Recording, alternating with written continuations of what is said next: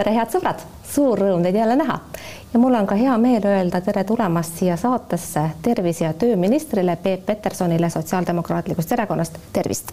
tere. kes soovitas hakata teil tegema neid Facebooki laive Zelenski meetodil, nagu te ise nimetate?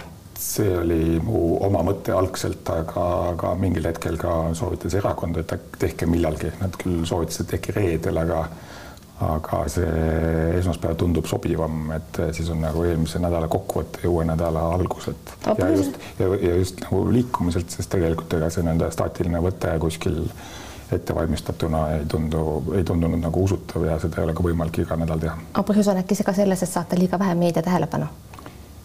ma ei usu, et seda nüüd liiga vähe on, et ma ei, ma ei kurda Te ei kurda. no alguses te saite tõepoolest massiivselt meedia tähelepanu, tundus, et te olete kahel jalal kõitiv huvide konflikt, et te olete, ma ei tea, lobist ministri nahas kõige,, kõige-kõige skandaalsem minister. praeguseks on see kolakas juba natukene mööda läinud, olete toibunud? ja et see oli intellektuaalselt väga huvitav aeg, need jälgisin Peep Petersoni kohta arutelusid nagu, nagu kõrvaltvaates et see oli selgelt mingi kaubamärk taustal, mida oli nagu põnev siis äh, nagu uurida, et kuidas see asi käib. et äh, aga, aga see debatt ilmselt oli ühiskonnas vajalik. Äh, väga paljud esindusorganisatsioonide juhid olid sunnitud ka seisukoha välja ütlema. et ja, ja minu arust jõuti vist arusaamisele, et et loomulikult tuleb jälgida nende huvide nagu äh,, nagu noh, sobivust ja, ja kõike seda aga ilmselt tuleb teha vahet äh, siis sellel nii-öelda avalikul huvikaitsel ja, ja teiselt poolt sellisele nii-öelda noh, klassikalisele tasulisele lobil. Ja teine asi see, et, et tõenäoliselt ei ole võimalik kõiki aktiivseid inimesi ja, ja siis nagu just esindusorganisatsioonide juhte saata pingile, et, et seda luksust ühiskond lihtsalt ei, ei jaksa kinni maksta see selleks, aga mina olen kogu seda skandaali jälgides mõelnud, et aga kus olite teie, Peep Peterson, ametiühingute endine juht, kui te sinna lobistide nimekirjas sattusite, ma viitan siis sellele valitsusele heale tavale, mille alusel teid massiivselt kotiti, minu meelest ausalt öeldes ilmaasjata, aga see ei puutu üldse siia.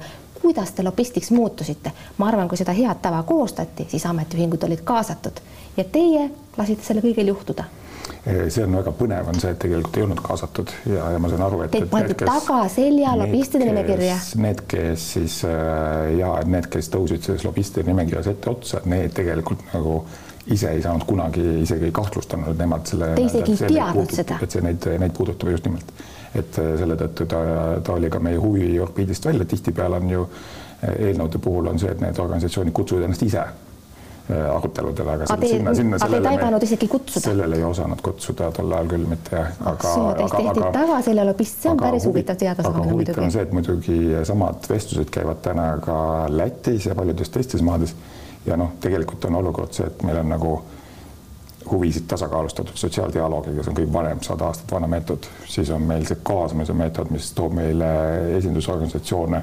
kahekümne kaupa iga eelnõu taha.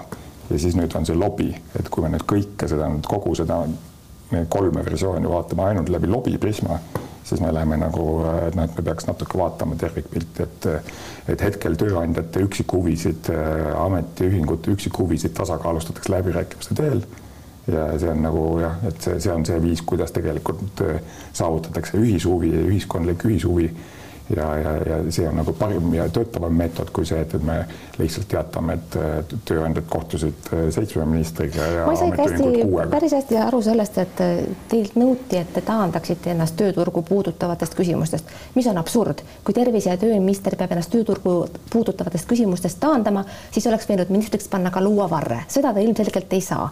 aga samas olete te ise ka viidanud vajadusele ametiühingute teemadest, eriti rahakotiga seotud teemadest eemale hoida.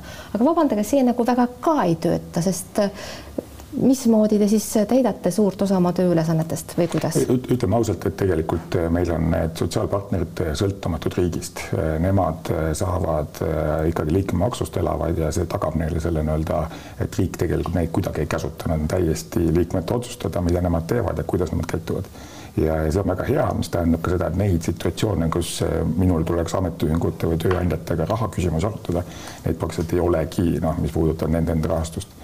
Ja, ja kui seal on üks mingisugune Euroopa abimeede, eks ju, mis on ammu käigus, siis noh, seal tõesti Signe Riisalo saab selle allkirja anda minu eest ja, ja selle, need protsessid nagu lõpuni viia, aga, aga see nende sissetulekus moodustab tühise, tühise summa, nii et et see on tõsi. et mis on nagu jällegi muidugi teema on see, et, et kui meil Euroopa Liit ütleb, et me peame hakkama soodustama tööandjate ja ametiühingute kokkuleppeid, et kataksid seitsekümmend protsenti töötajatest.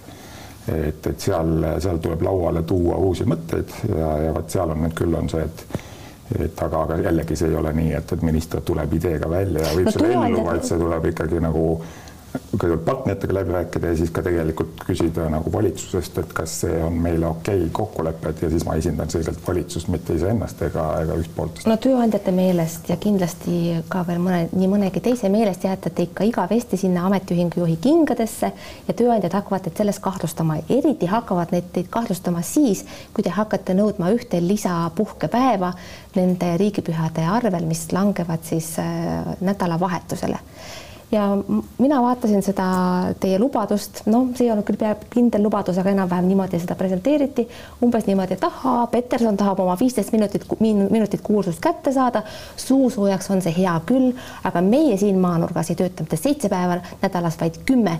Ja me teame väga täpselt, et mitte töö ei teinud ahvist inimest, vaid inimene muutub ahvis, kui ta liiga palju töötab. Või, või õigemini, õigemini see viimane on see, mida me eriti hästi ei tea. et põhimõtteliselt te saate ise ka aru, selle mõttega te võite minna kuu peale peale, aga mitte valitsuspartnerite juurde. tööandjad ei lase seda mitte kunagi läbi ja ainult üle, üle oravatel laiba võite te midagi säärast saavutada. Te tegite lihtsalt nalja, tahtsite saada pildile siin on kõigepealt see esimene väide, et, et jään, jään ametiühingu tegelaseks, seal on nagu üks väike moment on see, et, et ametiühingu tegelane on väga palju osalenud läbirääkimistel. läbirääkimises lennutundide arv on a la viiskümmend tuhat, mis tähendab seda, et, et kui me nüüd istusime koos eelmisel nädalal ametiühingud, tööandjad, tööandjatel oli väga suur huvi kahe paindlikkusmeetodi vastu, siis, siis see, kuidas nagu neid omavahel sobitada, kuulata leida nende ühisosa ja panna see nii-öelda lahendusena lauale. et, et, et kindlasti see nii-öelda see minu poolt nagu mõlema poole abistamine selleks, et, et see nii-öelda keskkoht leida. okei okay,, aga see on minu vaba päev nüüd. ja siin on see vaba päevaga on tegelikult sama lugu, et ega meil on teada, et, et Reformierakond laseb asjad läbi, mille eh, Tööandjate Keskliit on heaks kiitnud, Isamaa samamoodi ja väga keeruline oleks sotsiaaldemokraatidel teha midagi, mis ei ole ametiühingute poolt heaks kiidetud. Nii et tegelikult no, ametiühingud ja ametiühingud, ametiühing, sotsiaaldemokraadid seal see ei lähe läbi. ei, ma selgitan, et eh, meil on läinud läbi kõik asjad, mida need kaks osapoolt on kokku leppinud kõik asjad, mida need ei ole kokku leppinud, ei ole läbi läinud. et see tegelikult on, ma ütlen niimoodi, et koalitsioon või üldse poliitiline nagu juhtkond juba viis aastat usaldab need küsimused sotsiaalpartneritele. Kas natuke konkreetsemalt saaks? okei okay,, te olete öelnud, et seekord jõuludeks ei saa, jõulude ajal peame tööl käima, no ilmselt peame siis ka aastavahetusel tööl käima, aga kuidas järgmisel aastal oleks? Mingi konkreetne lubadus ikkagi, palun? ja eh, konkreetne lubadus on see, et tööandjatel, ametiühingutel presenteeritakse neid eh, valikuid eh, neljateistkümnendal septembril esialgne ei on tulnud tööandjatelt, kuid me kas see pole mitte ootuspärane? ja absoluutselt, aga, aga lihtsalt see ei ole ka nagu see lõpp, selle nii-öelda situatsiooni lõpp me jätkame sealt arutelu ja küsime, et aga mis, mis on võimalik, kui see ei ole võimalik ja hakkame sealt seda nii-öelda vaikselt, vaikselt nagu veeretama. kas on asju, mida tööandjad tahaksid võib-olla sellele asjale vastu saada. Ühesõnaga, et see nii-öelda see dialoog ongi selleks mõeldud, et tasakaalustada ja, ja, ja ma väga loodan, et see on võimalik, aga ma ei saa anda pead, et see on järgmiseks aastaks tehtud, nii ongi aga, aga seda teie ma oma artiklis ka ütlesin. Teie pead ma eriti väga ei tahagi, aga vaba päeva võtaksin küll ja, nagu paljud teisedki. president ütles ka, et tal on hädasti seda vaja Teie minevikule veel kord viidates, ametiühingud on Eestis olnud väga nõrgad, hoolimata sellest, et te olete neid kümme aastat juhtinud, kui me võrdleme näiteks Skandinaavia maadega, üksikud sektorid välja arvatud. miks ikkagi teie selline ametiühingute juhi pärand jääb selliseks keskpäraseks? jah, me kõik teame teid, seisite alampalga eest, olite läbirääkimiste laua taga, olite selles mõttes nagu pildis, aga suured saavutused on, on siiski olemata. ametiühingud Eestis ei ole sugugi tugev jõud, miks? Siin te muidugi eksite üsna teravalt. küsimus on see, et milles on tugevus, kas see tänaval toimuv mingi selline nii-öelda massstreik on ainuke tugevuse näitaja?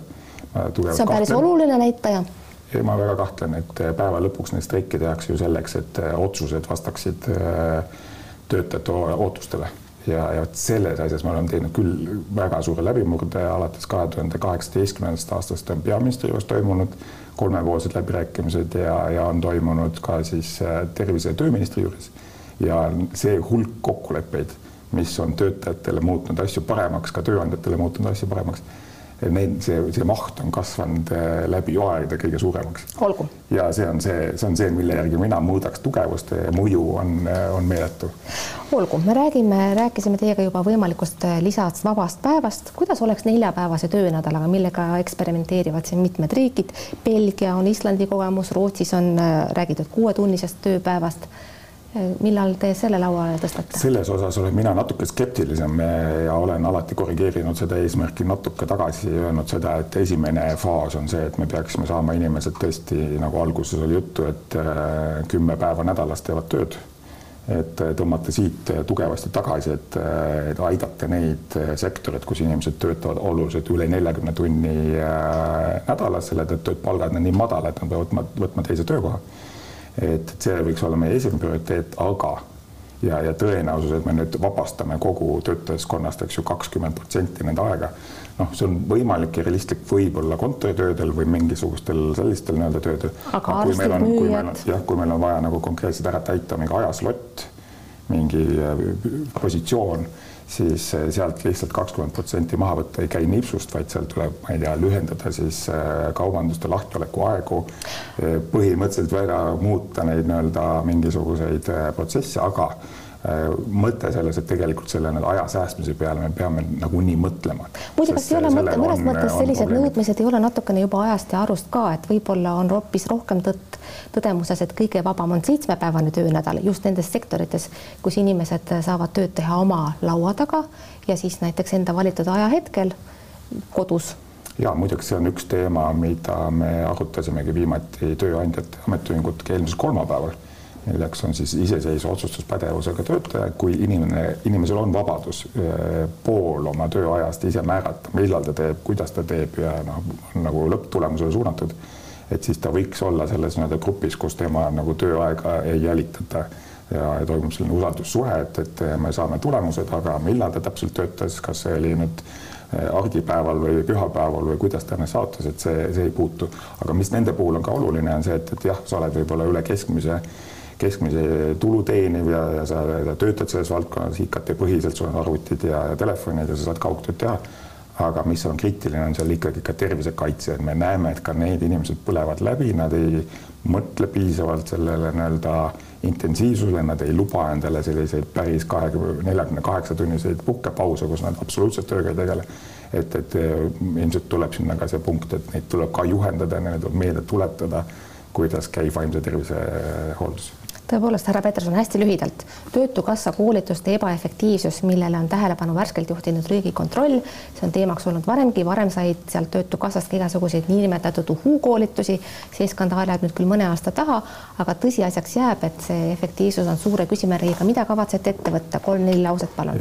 suhtlesin äh, riigikontrolöriga, kuna ta istub valitsuses täpselt minu kõrval igal, igal koosolekul ja, ja. ma mõtlesin, et suhtlesite Töötukassaga ja siis ta ütles nii Äh, ta ütles nii, võrreldes teiste riikidega nelikümmend neli protsenti vastaval ametil tööle asumine, väga hea tulemus ja täiesti arvestatav tulemus Asu, ka riigikontroll Eesti... põhimõtteliselt avalikkusele ütleb ühte ja teile ei, teist. ta ei ütles, ta ütles teist asja, et ta ütles teist asja, ta ütles, et nelikümmend neli protsenti, ei andnud sellele hinnangut, ta andis hinnangu sellele, et äh, Töötukassa peaks seda rohkem vaatama, selle, selle võtma endale ühe näitajana mängu ja seda Töötukassa ka teeb aga päeva lõpuks Töötukassa eesmärk ei ole kindlasti erialane rakendumine, vaid rakendumine heal tasemel. ja, ja siin võib olla erinevus, näiteks sama eesti keele valdkonna lõpetaja, kes ta asus nagu siis äh, eesti keele õpetajaks või ta hakkas toimetajaks või ta hakkas näiteks pressiesindajaks või, või mingis muus positsioonis, et see eesti keel nagu võis aidata tal sellele positsiooni saada, et see, need, need lingid tänapäeval ei ole nii ühemõttelised. pluss on veel see, et näiteks eriti madal oli see rakendumine eh, käsitööliste hulgas, kus eh, käsitööoskus tal, kus tõenäoliselt inimesed rakenduvad FIE-dena või mingisuguse oma, omal, omal moel ja, ja, ja, ja lihtsalt see süsteem ei mõõda seda, et kas ta nagu. ma saan aru, süsteem on okei okay te ei tee midagi, jah, te ei tee sellega midagi? ei, me, meil, meil oli enne ja me väga täname selle nii-öelda lisamõttematerjali eest ja, ja ei, meil on pidev muutus ja, ja tõesti, see aitab meil omakorda kaasa neid okay, fookusi okay. seada. aga, aga lihtsalt, et see nii-öelda kriitika sellisel kujul, et on super ebaefektiivne, ei vasta tõele siis peaks pöörduma kolleegide poole, kes on teinud uudise, sealt. Jäi mulje, et väga efekt-, ebaefektiivne on see. väga oluline on uudiste pealkirjades mitte lähtuda ja riigi juhtimisel eks ole, paar sõna teie kui terviseministriga, ma saan aru, et Covidi strateegia sügisel nüüd ja tal eelootaval talvel seisneb selles, et igaüks, kes on kõrvadeni koroonat täis, võib bussis sõita, võib teistele inimestele näkku köhida, kedagi enam testima ei pea, ühiskonda mingil juhul sulgema ei hakata ja haiglasse pistetakse ainult need, kes kohe maid surema hakkavad kas ma olen õigesti asjadest aru saanud? see oli väga lõbus lõbus, lõbus kirjeldus. tegelik olukord on praegu nii, et meie käimasolev äh, faas on sellise tüvega, mis tõenäoliselt ei ole ohtlik. meil Terviseamet võttis maha ka selle hoiatuse, et kolme kuu pärast oleme kuskil neljasaja viiekümne haiglakoha täitumise juures Eh, mis tähendab seda, et tõenäoliselt selle tüvega me ei jõua kunagi nende piiranguteni, see on, vastab tõele. Eh, samal ajal ettevaatusabinõud koolides eh, tekivad ja need on ennekõike siis kodune testimine enne kooli minekut, näiteks nädalavahetuse lõppedes aga teil on juba testid tellitud või mäletatavasti? haridusministeerium tegeleb ja, ja minu arvates on päris heal järjel selle teemaga, et et, et natuke sealt saab nagu seda tagasi hoida, aga ei jah, me loomulikult me soovitame inimestel ennast kaitsta, kui nad riski, riskigrupis kanda maski ja hoida tagasi, et okei okay, aga... riskigrupis, aga mina ei ole ikkagi aru saanud, et mina. meil ei ole täna vajadust väga teravalt sekkuda ja väga oluline ühiskonna jaoks on see, et me tõesti eh, teravalt sekkume siis, kui see teravaks sekkumiseks on hädasti vajadus. mida täna mingisugune... soovitame, mida me täna soovitame, on kindlasti võtta kaasa oma vanemad, viia nad vaktsineerimisele ja teiselt poolt eh, Haigekassa hoolitseb täna selle eest, et kõik hoole, hooldekodud saavad vaktsineeritud, see on kõige suurem garantii. aga mis peaksin mina tegema, minusugused terved inimesed, tööl käivad inimesed, kas minu nad soovitus... peaksid neljanda süsti tegema või mitte? minu soovitus on seda teha, mina olen ise seda teinud. olete juba saanud? ja käisime minister Solmaniga koos pidulikult ja sain kätte, oli kõige noh, minu jaoks oli see süst kõige nagu suuremate nagu tagajärgedega, et, et võttis nädalavahetuseks natuke sellise tugeva väsimuse peale.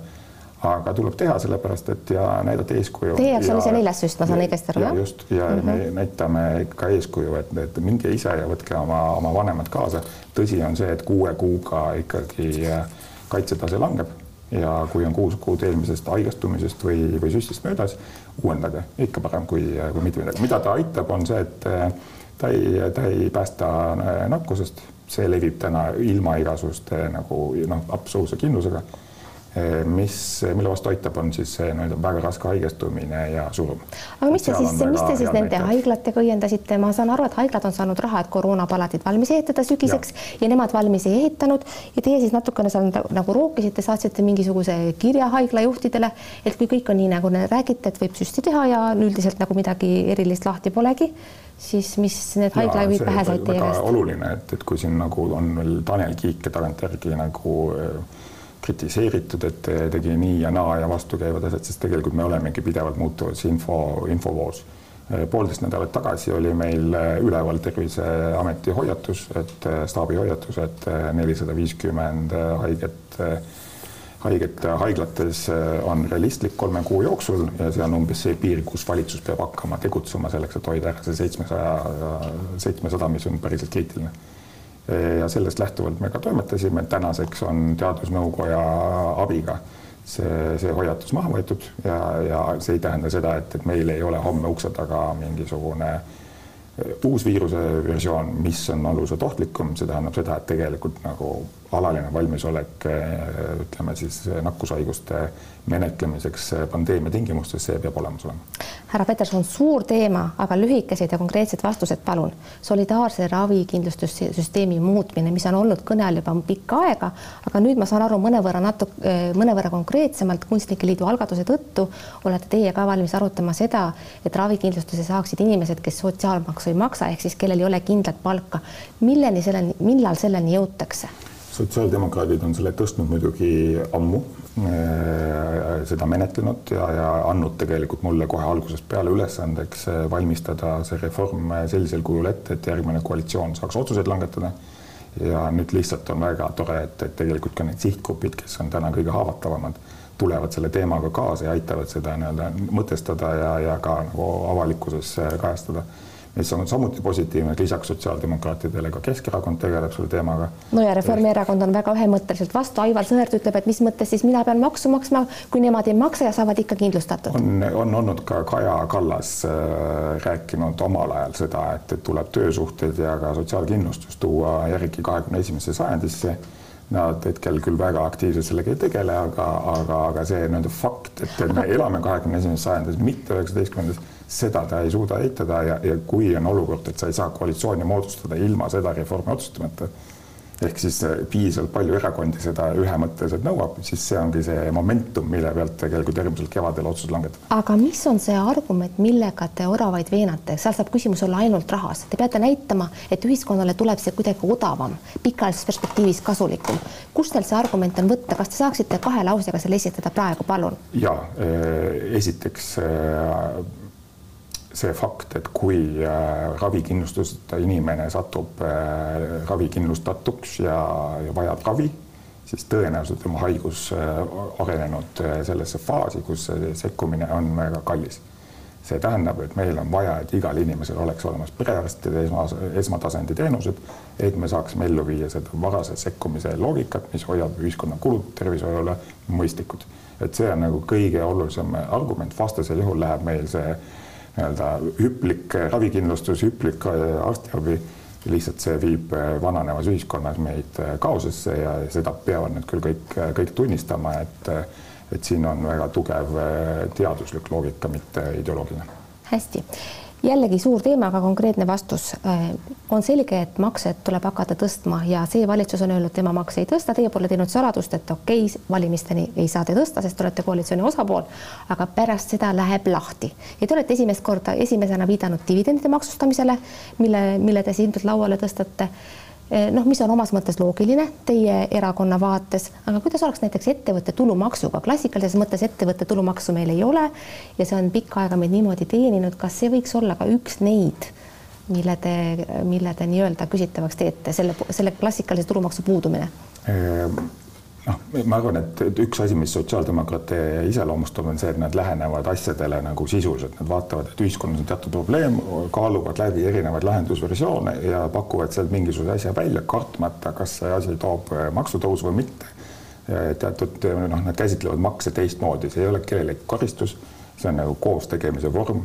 kui on ikkagi mõistlik näiteks linnas äh, tänavad lasta traktoril ära puhastada, mitte igal inimesel, igal pensionäril seal ise luuaga ringi lasta, siis see tundub mõistlik, ökonoomne ühiskonna mõttes ja seetõttu me peame ka mõistlikuks, et võib-olla seda tuleks ka nagu et siis äh, dividendid, et siis dividendide Aga maksustamine. tagasi selle juurde, et dividendide maksustamine käis praegu jutt ravikindlustusest, et siin on tõesti üks versioon õhus, et läheb kõikidele tuludele ühtlaselt see ravikindlustusmaks peale ja seal siis vahet tegemata, et kas, kas see oli nagu. ja ma pidasin silmas maksusüsteemi laiemalt. aga maksusüsteem laiemalt äh, ei ole praegusel hetkel minu pädevuses seda nagu päris täpselt kirjeldada. siin on üleval. Äh, Teil võiks mingi seisukoht olla, varamaksud, okei okay.. varamaksud on teema, siis on olemas tõesti ka see ettevõtte tulumaks, mis, mida vahepeal me nägime, kuidas kanditi, kanditi tütarettevõtete kaudu välja, seal ma ei tea, kas õnnestusid need mingisugused äh, Eh, peat-, peatamisviisid, aga, aga ja, ja, ja kindlasti taustal on ka siis see küsimus, et, et kas meie maksuauk on nagu piisavalt eh, kontrollitud. liiga palju me kuuleme seda, kuidas eh, on võimalik oma eratarbimist ettevõtte õlule panna. Te räägite OÜ-tamisest ja jah, ja, ja, ja kuidas on võimalik siis nagu töötamise asemel teeselda ettevõtlust, et, et need on lubatud, aga, aga seal peab lihtsalt ja ütleme, et äh, võib-olla see ongi tulevik, aga siis äh, tuleb see maks lihtsalt järgi õiglaselt, et äh, meil ei tekiks olukorda, kus, kus Maxima kassapidaja annab kolmandiku, peaaegu pool oma, oma väikesest sissetulekust riigile ära. Ja teised, see näide tuleb teised, mulle juba tuttav ette. ja teised lasevad nagu, sõidavad siis nagu väga heade autodega ja naeravad härra Peterson, lõpetuseks, kui lubate, ma läheksin isiklikult, isiklikuks. ma vaatasin teie CV-d ja seal seisab, et olete õppinud ülikoolis õigust ja ajakirjandust. kas ma pean sellest järeldama, et teil ei ole kõrgharidust, te pole kumbagi lõpetanud? vastab tõele, keskiri õigusteadus ja bakalaureusekraad on nagu paljudel siis nagu kahe uurimistöö kaugus. et põhimõtteliselt te jätsite ülikooli pooleli Eh, jah, viimane katse on praegu kahe uurimistöö kaugusel, et, et see vastab tõele. No ja lõpetuseks me peame otse loomulikult rääkima teie eraelust, olite siin eile esikaanepoiss Kroonika uudisega, käisite uue kaaslasega presidendi vastuvõtul, Kroonika vist eh, kohtlas teid siidikinnastes, mina küsin otse, mis on teie praegune suhtestaatus, nagu sotsiaalmeediale omases kõnepruugis öeldakse? Eh, määratlemata. Aga ma kommenteeriksin seda eilset, et need pealkirjad olid koledad ja ebaausad, et eh, siin tuleb ikkagi austada õigusrahu, et kui kui on asjadest palju mööda, siis tuleks ka anda inimestele võimalus, võimalus elada seda elu, mis nad täna elavad. ehk te tahate öelda, et eilne uudis tegi teie kaaslasele Anna-Liisa Vinnalile meenutades tema kunagist maksupettust ja ka ja siis ka karistatuse seisundit sellele viidates tegi talle ülekohut. minu arvates tegi. Need on teemad, millest te olete omavahel kindlasti rääkinud. kas me võime teid ja Anna-Liisa Vinnalit ka edaspidi koos näha mõningatel üritustel? ma väga loodan. loodan minagi. härra Peterson, suur tänu teile selle jutuajamise eest. aitäh, head sõbrad, et vaatasite, vaadake järgmist saadet ikka jälle, see on juba tuleval nädalal. elage vahepeal hästi, kuulmiseni ja nägemiseni